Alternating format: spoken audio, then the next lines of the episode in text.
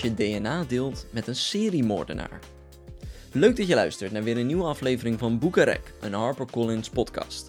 Ik ben Sjors en in deze aflevering duiken we in de wereld van true crime met het boek De Stamboom van de Amerikaanse auteurs Steph Mullin en Nicole Mabry. Ze worden gescheiden door vijf staten, maar dat houdt Steph en Nicole niet tegen om samen hun passie te volgen, namelijk het schrijven van spannende thrillers. Beiden hebben een grote liefde voor true crime en horror en zochten jarenlang naar een verhaal om samen te schrijven. Na tientallen verschillende pitches kwamen ze op het nieuws het verhaal van de Golden State Killer tegen en hoe deze man na 30 jaar was opgepakt door DNA-onderzoek. Dit gaf de twee de inspiratie voor hun allereerste boek, De Stamboom.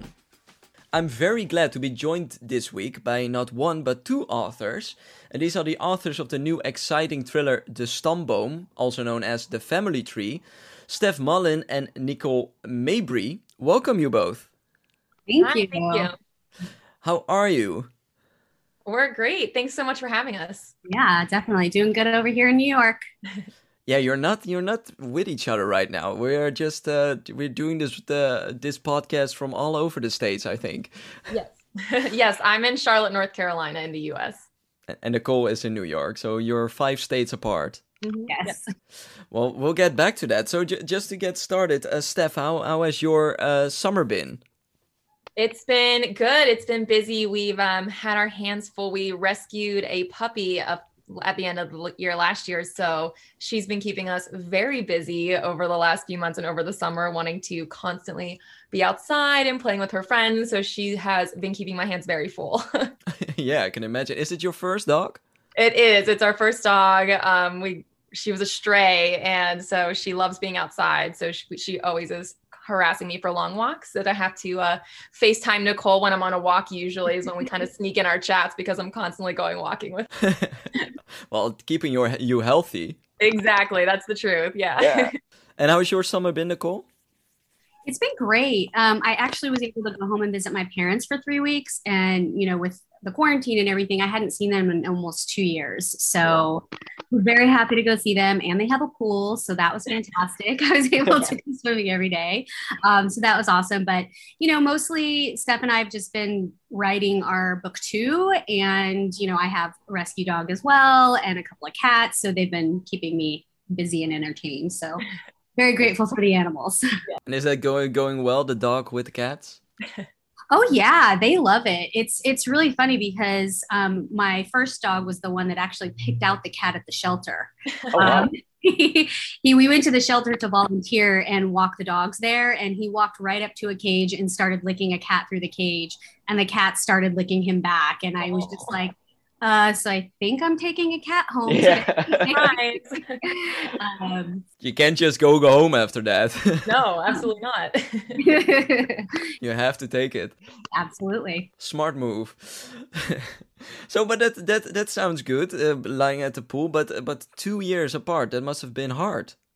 Very hard yeah and i'm really close with my my family and usually i go home at least once or twice a year um and so this w- has been really hard to have like two years not to see them and you know they were so thrilled to see me Yeah. So ho- hopefully everything uh, will stay that way. You can visit each other more. Now uh, every everything is a little bit going back to maybe the new normal. Closer anyway. So so first off, um, to start with your book, The Family Tree. Um, for the both of you, are there any family secrets in your family tree you didn't know before?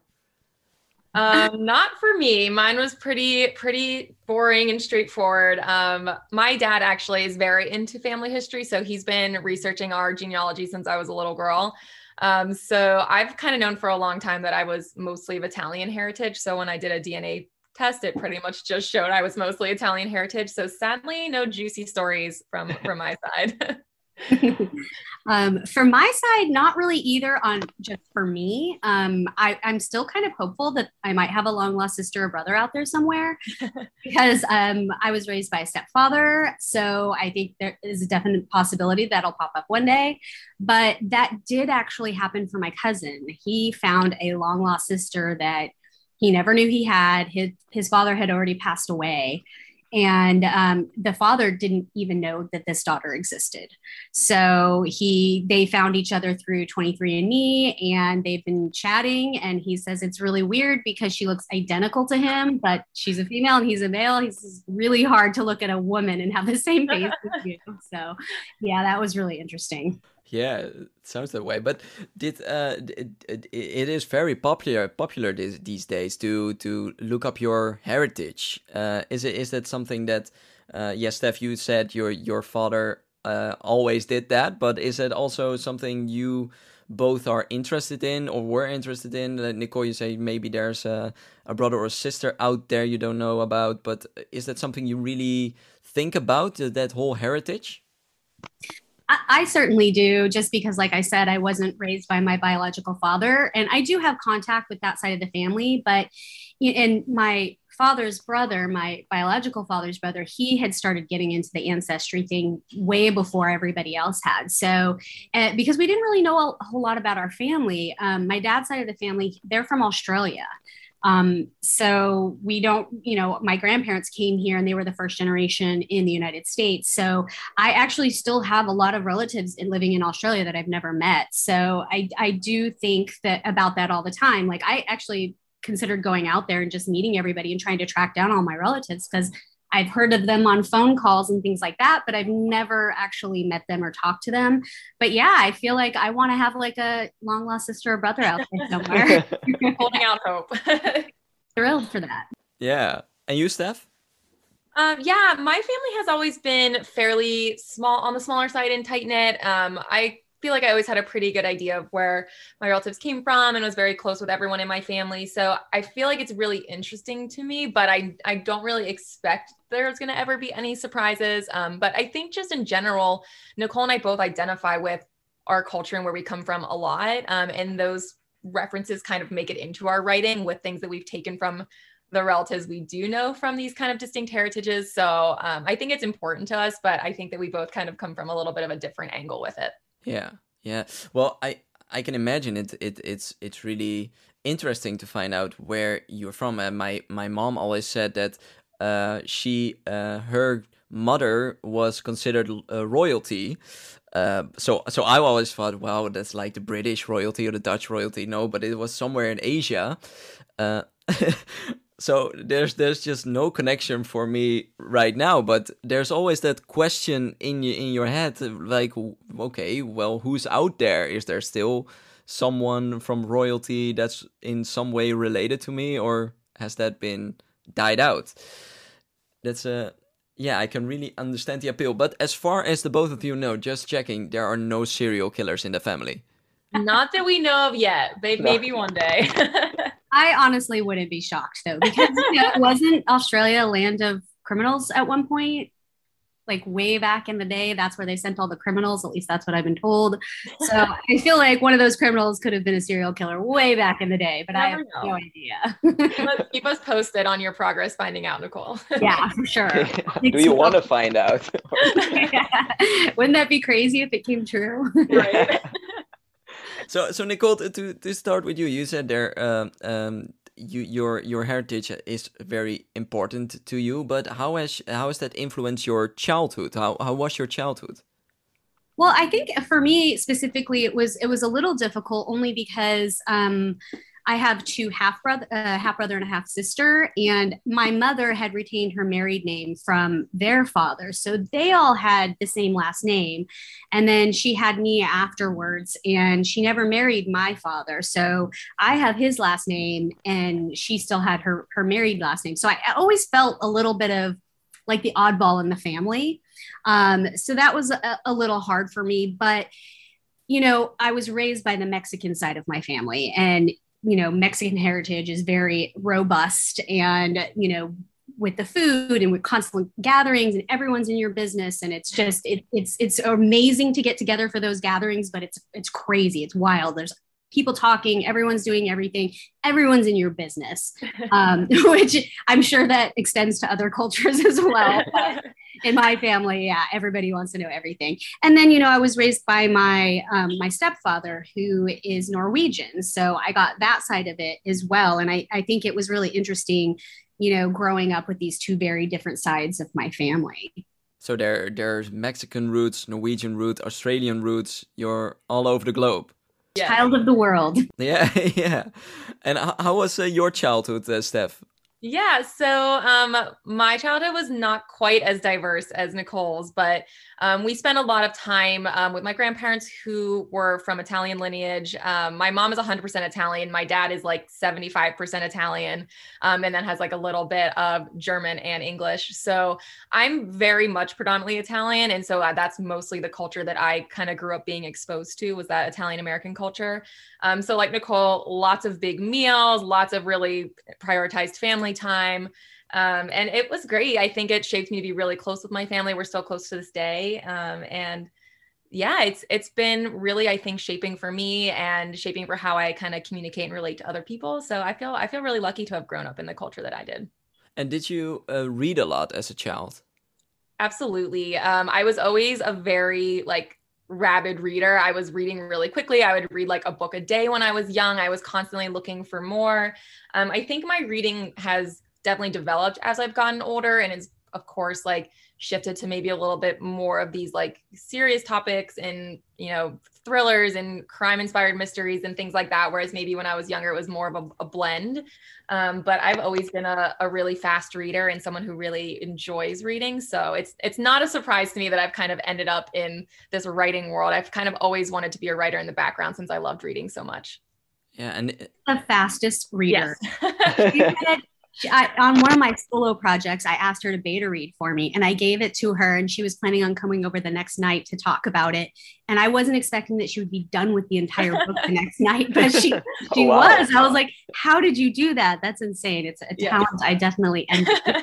and you take it all in or is it just skimming over it or I think I take it in pretty well. I mean, I think every once in a while, of course, when you're reading fast, there may be some things that are missed, but I'm also I'm a pretty analytical reader, so I'm always trying to figure out, you know, who did it or kind of what's going on or who's hiding different secrets or whatever it may be. So I think it is still a pretty close read, even though I am a quick reader, but I'm just a fast person in general. I talk fast, I write fast, I type fast. So I think it's just part of my personality. as long as you can enjoy it, it, that's the most important part, of course. Exactly. I just yeah. get to enjoy more in a shorter amount of time, is how I yeah. look at it. I think a lot of people would be jealous of that. They want to read uh, 20 books a year, but can't do it. Uh, so, yeah. Yeah, it's definitely slowed down more these days now that we're so busy with day jobs and writing our books. So the reading has slowed down a little bit, but I still like to sneak it in whenever I can. and Nicole, have you been a bookworm as a child? Uh, yeah, actually, it, it happened quite early on for me, right when I was learning how to read. I think I was in kindergarten. And um, what happened was is our teacher had given us this vocabulary workbook, and it was supposed to be a book that we did an assignment a night out of. But I was a very hyperactive child, and I didn't really listen very well back then. So I took the workbook and I did the entire book in one night and handed it in the next day. And my teacher was just kind of like, uh, she didn't know what to do with me because that, that was our homework for the rest of the year and I'd done it all. So she talked to my mom and told her to have me read a book a week. Um, and you know, I had just started learning to read. So that that really occupied my mind, which was great. So my mom took me to the library and she said I could pick out any book I wanted, but it had to be over 100 pages. so I took out the the Boxcar Children, and my mom sat me down in the living room floor with the book and a huge dictionary. And she said, You know, if you don't know any of the words, there's a dictionary. You can look it up right there. so it kept me out of her hair, which was a blessing for my mom. um, but also, it just got me into reading super early. I, you know, I hadn't experienced that level of storytelling before. So that really hooked me at a young age. And then, you know, it just went from there. I went from there to in my teenage years, I went, read the Sweet Valley High series, like Water. I just devoured them. And then, you know, slowly moved on to the thrillers and suspense, and I've kind of stuck there. Yeah. so both big, big, big readers, but but Steph, you already said you you were uh, a, writing at a young age. Nicole, did that happen for you as well, or were you just reading? I was not writing. I actually never intended to be a writer.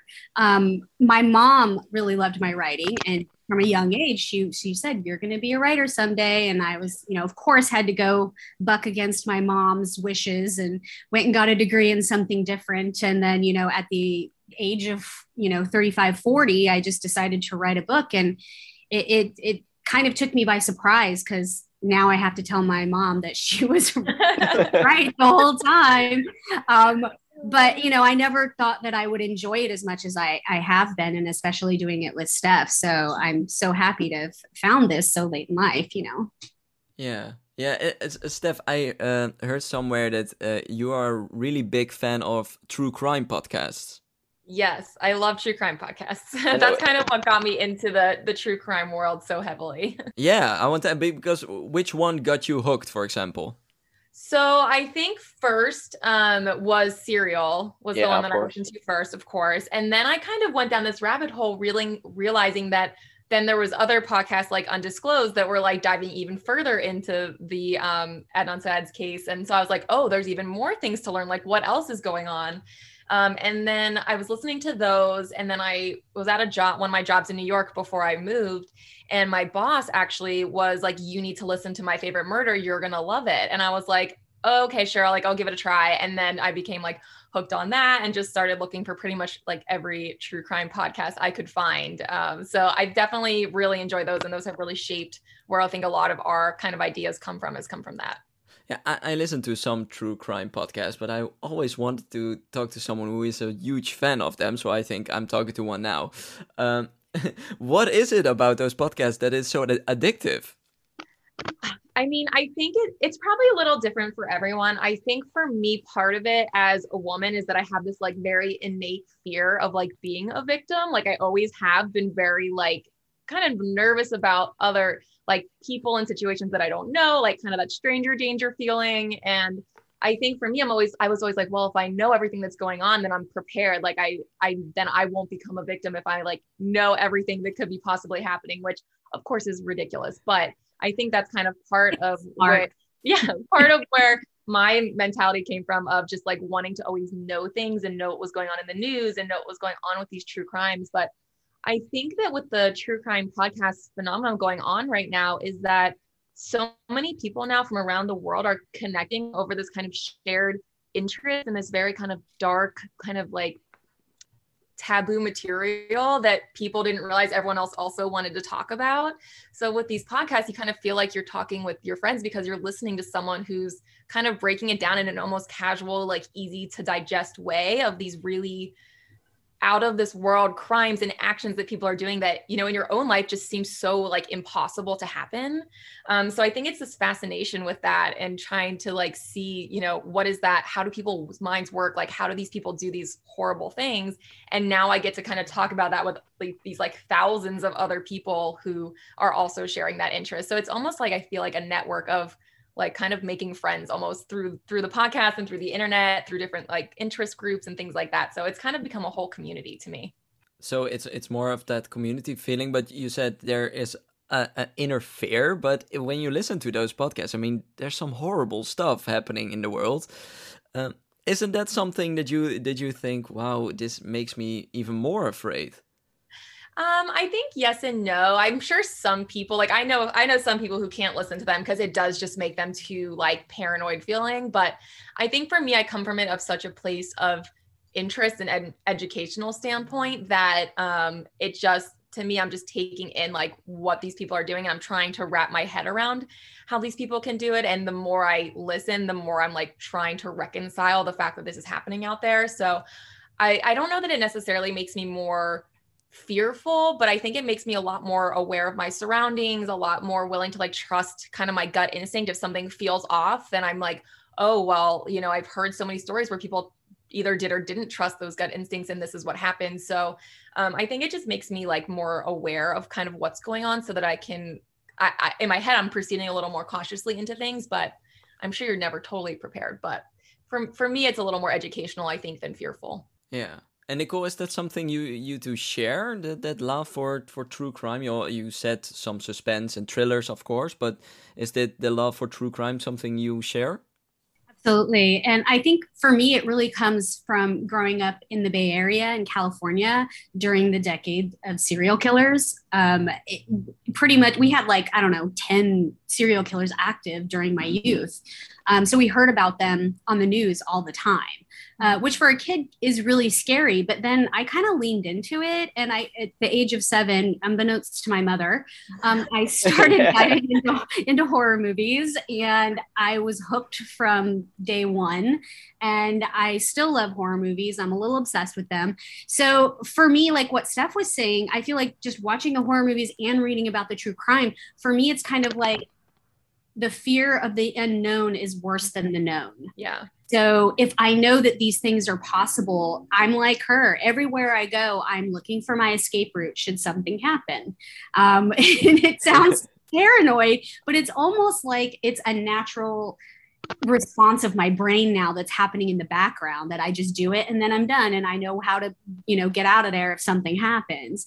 Um, I think that uh, Steph is a little more cautious than I am because I, ju- I witnessed when I went there for our launch. We went and did our co-author head headshot shoot, and um, there was a, a, while we were we were in a park down this like dark path into the woods, lined with trees. Yeah, lined with trees. Yeah, and so we were trying. We were we were all dressed up, had our makeup done, and um, this really creepy guy kept walking back and forth past us like he was waiting for us to be alone. And Steph immediately, the first time he nope. passed, she was like, I'm not getting a good vibe from that guy. I'm calling my husband right now. and she called and said and acted like, oh, he's, you know, on his way there and you know, this is where we're at. So eh, that was the first time I'd ever experienced Stephanie really going to that extreme. And at first I was like, oh, she's overacting probably a little bit. But then he kept walking back and forth and we finally both decided it, he's too creepy and we just bolted out of there for sure.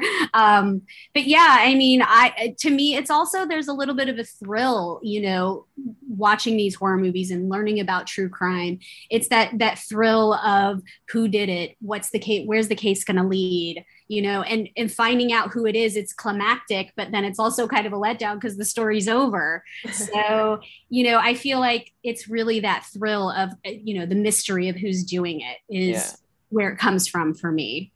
So you you two really share the the love for the the, the unknown, true crime, horror, um, and and then you decide one day to write a book together. yeah. Uh, how how did that happen? you could have just uh, wrote a book on on your own, I I guess. Well, and, and I did. I wrote a book um, on my own first, yeah. and then you know, Steph really started getting into writing at that time too. She had been, you know, she had taken creative writing classes in college, and she really loved writing. Um, and then, you know, when she started doing it, we were working on our own solo projects, and I beta read for her, and she beta read for me, and we gave each other notes, and it became really clear early on when I was reading Steph's that we just had complete opposite strengths. Mm-hmm. Um, and there are things that are really that I struggle with as a writer, and there are things that Steph struggle with as a writer. And so I could tell like the things that she struggles with, I'm good at, and vice versa. So if we came together, we could be a, a great writing team. Um, and so I tried to lure her in for about two years. I started throwing plot ideas out there with her. And I think she was a little skeptical because from my horror movie background, you know, I can come up with some pretty wild plots. Um, and I just knew that one day I would throw one her way and she'd be like, that's it. And that's what happened, you know, when the Golden State Killer was caught. I mean, both of us had been following that story for what, like, I don't know, so long, yeah. 30, 40 years. And so when he was caught using DNA technology and genealogy, we I we both were like, that's incredible. This new vein of investigation has just opened up for law enforcement. And I called her one night and I said, something about 23andMe, go. and um, yes. he immediately said, I love that. And so independently, we hung up and we both started forming a plot in our heads separately and i think it was maybe an hour later we, she called me and she said this is what i think the plot would be and lo and behold it was the same exact plot i had been coming up with in my head oh wow, so it, was, was, it meant to be yeah, yeah. And uh, Steph, what what holds you back? I mean, there were a lot of plots thrown your way. Why why did you only uh, do it for this one? So Nicole is a plot machine is one of her strengths and she was constantly throwing ideas at me and I'm one of those writers where it's, you know, I want to feel really passionate about the story I'm writing. Like I'm I to be able to see the whole way through when you're writing like a hundred thousand words, like it's I wanted it to feel like the right story to tell. And I don't know. I think just what there was so much going on in my life, change wise, when she was kind of throwing all these ideas at me. Like I got married, I relocated out of New York back down south. I was like doing going through some job changes in my daytime job. And I feel like just none of them were really resonating with me over kind of my solo things that I was working on and everything else that I kind of had happening. Um, but then whenever Nicole pitched this to me, it was so in my wheelhouse because, you know, like she said, she's more horror, I'm more true crime, but we have these same like kind of underlying interests, but I'm a lot more rooted in like what can really happen to you. It's a lot less kind of fantastical, I guess. So just nothing was striking me as like this is the perfect blend of both of our our personalities and instincts. So when she pitched that to me, it, yeah, it was just like a lightning strike. Like both of us just had the exact same idea. We were both extremely passionate about it, um, and we we immediately stopped our projects we were working on on our own. Like I had a book that was um, like three fourths of the way edited. It was completely written. I was almost done the editing process. Um, and she was also working on a, a, solo story. And we both were like, you know what? This is so timely. This is so unique and interesting. Like, we need to put everything else on hold and just write this book. Like, someone has to tell this story. So I think for both of us, it just felt like we had like hit the lottery with an idea. And now we're kind of realizing, I think, what ideas both of us like. And we're coming up with new plots to work on together a lot more easily than we did in the beginning. Yeah, I feel like we hit a, we hit a groove with mm. that sweet spot somewhere yeah. in between Steph's interest and my interest because I admittedly will throw out the most outrageous ideas. Yeah. Because I think anything is possible. Steph's like, no, that's not possible. But are you are you more like Nicole? More like the the the supernatural horror, or uh, and is Steph more like the true crime? How what what is that sweet spot then? I mean, I'm into all horror. So okay. there's very little that I won't watch. Um, Stephanie is definitely based more in the true crime world, which I think is good because that grounds me a little bit. Like even when we were trying to figure, we'll, we'll try to figure out ways that you know someone can be kidnapped, and I'll throw out twenty ideas before, and they're all really crazy. Like I'll be like blow darts and yeah. things like this, and she's like, no, that's not gonna, that's not gonna go over well. So it's really good for me because I can throw all my crazy ideas out there, and she kind of plucks the the most realistic one out of there. Yeah, so yeah. I feel like that's why we make such a good team because she grounds me and then I kind of pull her a little bit further into, you know, the outrageous a little bit. Yeah. And then you decide to write a book together, but you live five states apart. Yeah. so, we like to make things hard on ourselves. yeah, that's not ideal. yeah, and we actually waited until we were five states apart to actually just down writing. Start writing. Yeah, yeah, which is really interesting. But you know, I think that we it, that kind of prepared us for the quarantine mm-hmm. because we had already been working long distance. We were on Zoom, you know, at least three times a week. We FaceTime each other probably about three or four times a day. Even still, even when we're done, there's always something that we need to talk about. Um, Steph's husband jokes that she talks to me more than she talks to him. um, so I feel like, you know, for us, when the quarantine hit, nothing really had to change for us. We were already prepared for that. Yeah. So that's the the whole quarantine and the Zoom meetings and uh, everything doing through the laptop. You were you were already mastered that. Yes, we already were on top of that. And, you know, we did for the family tree, you know, we did start outlining together in person. Um, it was November of 2019, right, Nicole? Yeah. Um, and I went up to New York to visit Nicole for her solo books launch. And I stayed with her for, for a few days. And we just said, you know, this is like, we don't know when we're going to see each other again. We have this amazing idea. Let's outline this book and make sure we can kind of work independently since we are going to be in separate states. And we sat across each other on her couch from like what like 9 a.m until like 10 then 30 p.m and just outlined the entire book every chapter like where they start and stopped any major events that happened in them we divvied them up based on who felt strongly about what chapters. And then we just kind of went back to our own homes and we just worked on them. We sent each other our chapters after we write them to edit so that every single chapter is very heavily touched by both of us so that they kind of blend together and don't sound like distinctively different voices. Um, and yeah, we Zoom a lot, we FaceTime a lot, we do a lot of organized research and planning. Um, that's pretty much the only way we've found to be able to survive the, the long distance partnership. I had to uh, pull Nicole over to my outlining side of things because I'm very much a plotter and she's very much a pantser. So um, I had to kind of drag her into the the organized outline world. But so far, it seems to be screaming for us. Yeah, yeah, yeah I, I, I mean, dragged her kicking and screaming. yeah, you. I mean, you're about a year later, and the book was published. So whatever you're doing is working. Yeah, and and you said you are even now working on the second book together. Yes. And is that the, like the part two of this book, or is it something completely different? It is completely different. Um, it actually is going through kind of like the final copy editing stages right now. So that is slated to come out next year. Um, but it's completely different. It's a different style. It's a little bit more psychological suspense than kind of like an action thriller. So we really wanted to challenge ourselves and kind of, you know, push the limits of what our own abilities as writers are and write something that we would really enjoy reading that was just not anything like the family tree. So we're excited about it. We think it's going to be really fun for everyone to get their hands on. And are there? Oh, sorry. Go ahead. I was going to say, I would like to say though, we're not opposed to a sequel to the family. Tree. We're not. Yes. Ah. We left it slightly open ended. So should that opportunity arise, we would be more than happy to write that second yes. book. Ah. And uh, you said some, uh, something about uh, solo projects. Are those on hold for now, or uh, are you uh, secretly still working on those?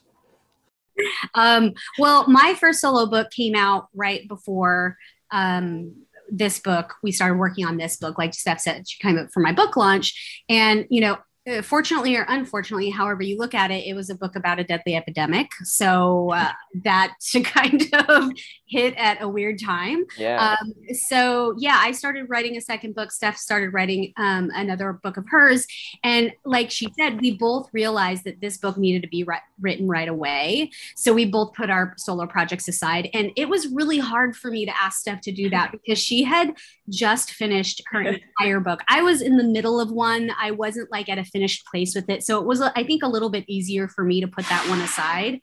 But for Steph, she had just finished it. And when you finish a book, it's almost exciting to get in there again and start mm-hmm. editing it and start really molding it and shaping it to what it's going to be. So to ask her to like pause and stop doing that was really hard for me to do but i knew and she knew at the same time that that's what it needed mm-hmm. um, so yeah unfortunately both of our books are sitting on a shelf for the time being um, we've realized that we can write much faster and better together mm-hmm. so if for the time being i think that we're both really committed to the co-authorship yeah. okay as long as it keeps being fun and we keep yeah. enjoying ourselves and it's going well we're gonna kind of ride this train and see how far we can take it. But we've we both, you know, we've we've signed like an official business agreement. We both are under the understanding if there's ever a story that we really want to tell individually, then we're gonna absolutely support each other in doing that. But for now, I think our partnership is just really a priority for us. Okay, well, a, a lot to come. Um, and I have one final question for the both of you. Um, maybe it's a hard one. So, um, uh, well, I'll start in with Nicole. Um, if you could go back in time and talk to your 18 year old self, what advice would you give her? Oh, okay, lots of things. but as far as writing goes, I think I would, because I was a weird person. I went and got three bachelor's degrees.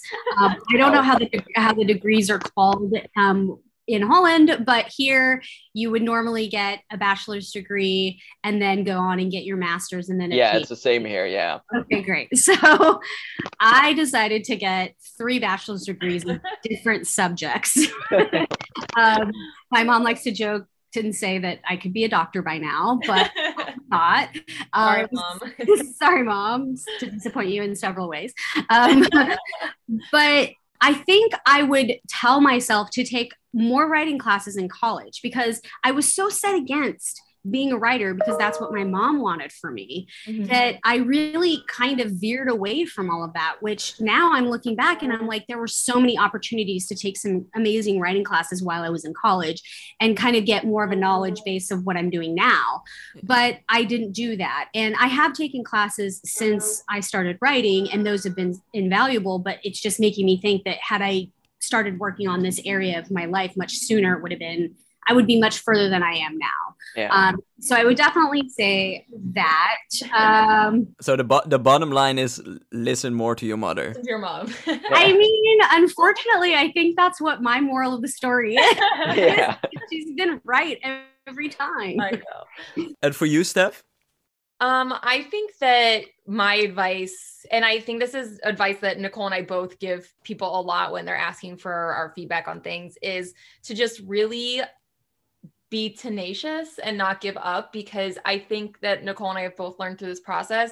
We have had to pivot so many times um, and always there was always so many opportunities along this journey where we could have given up or almost gave up and i think there's um like i just think that if i had known how what a marathon this was and how many like doors you would have to keep knocking on and how hard you would have to work even in the face of a lot of rejection and opposition and pandemics happening in the middle of everything. And i think that like i maybe would have prepared myself a little bit differently and you know mentally just been ready to have that thicker skin a lot sooner.